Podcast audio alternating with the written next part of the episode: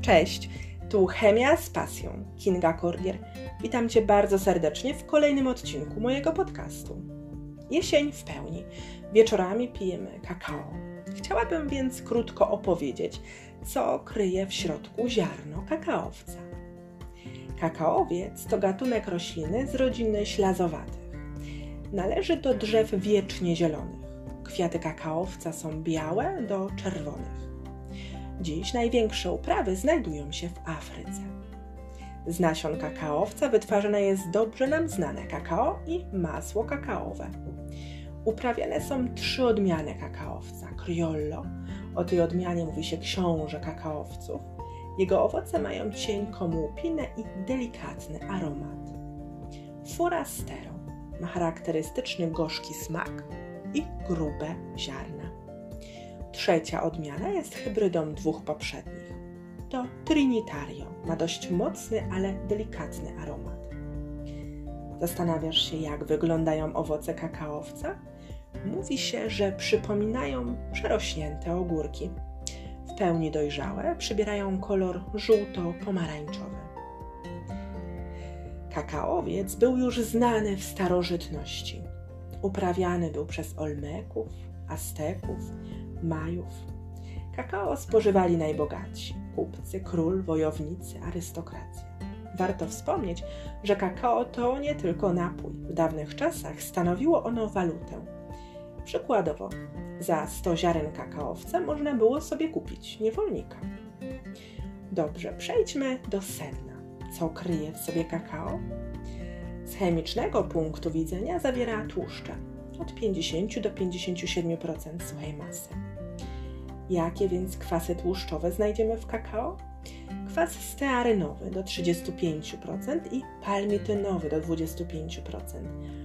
I teraz pewnie maturzyści przypominają sobie wzory tych kwasów. Stearynowy C17H35COOH, a palmitynowy C15H31COOH. Ale w kakao znajdziemy też jedno nienasycone kwasy tłuszczowe. Głównie jest to kwas olejnowy, który stanowi około 3%. Z kolei wielonienasycone kwasy linolowe nie przekraczają kilku procent masy. Fani czekolady zazwyczaj tłumaczą się po zjedzeniu ogromnych jej ilości, mówiąc: Potrzebujemy magnezu. Tak, kakao to też magnez. Im mniej przetworzone, tym więcej zawiera magnezu. A gdybym spytała, czy kakao zawiera kofeinę, pewnie zaczniesz się śmiać i powiesz, że nie, bo jak to? Kakao, kofeina i dzieci beztrosko piją je przed snem? Powiem więcej. Kakao zawiera wiele innych substancji psychoaktywnych. Kofeinę, teobrominę, czyli 3,7-dimetyloksantynę. Jest to związek organiczny z grupy alkaloidów purynowych.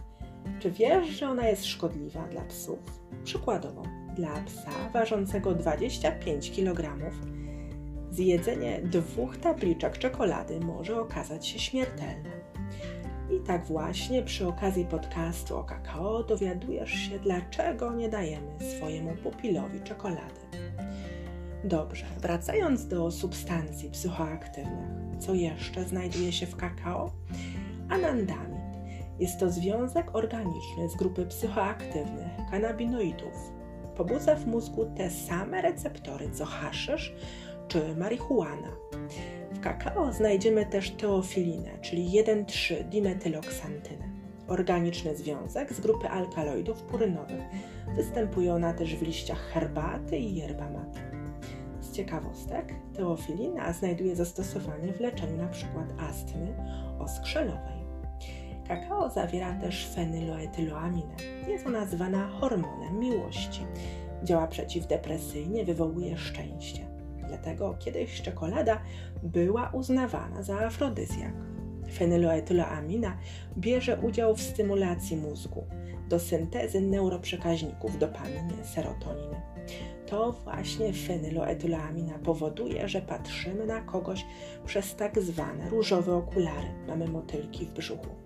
Ale uwaga, to nie koniec. W kakao znajdziemy też śladowe ilości kokainy i morfiny to bardzo niewielkie ilości i wpływają one na nas pozytywnie.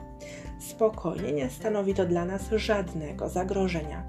Dzięki tym substancjom nasze samopoczucie się poprawia, zwiększa się uczucie zrelaksowania. Kakao to też oczywiście węglowodany, białka, witaminy B1, B2, B3, B6, B9, D, E, K. kakao znajdziemy też wspomniane wcześniej magnez, ale też cynk, fosfor, potas, sód, wapń, żelazo. Także pijmy kakao. Jest to naturalny antydepresant. Podsumowując, kakao nas uspokoi, dostarczy nam energii, zatem pijmy na zdrowie. Jeśli jeszcze nie zdążyłaś, nie zdążyłeś odsłuchać podcastu o kawie i herbacie, serdecznie Cię zapraszam. Dziękuję i do usłyszenia.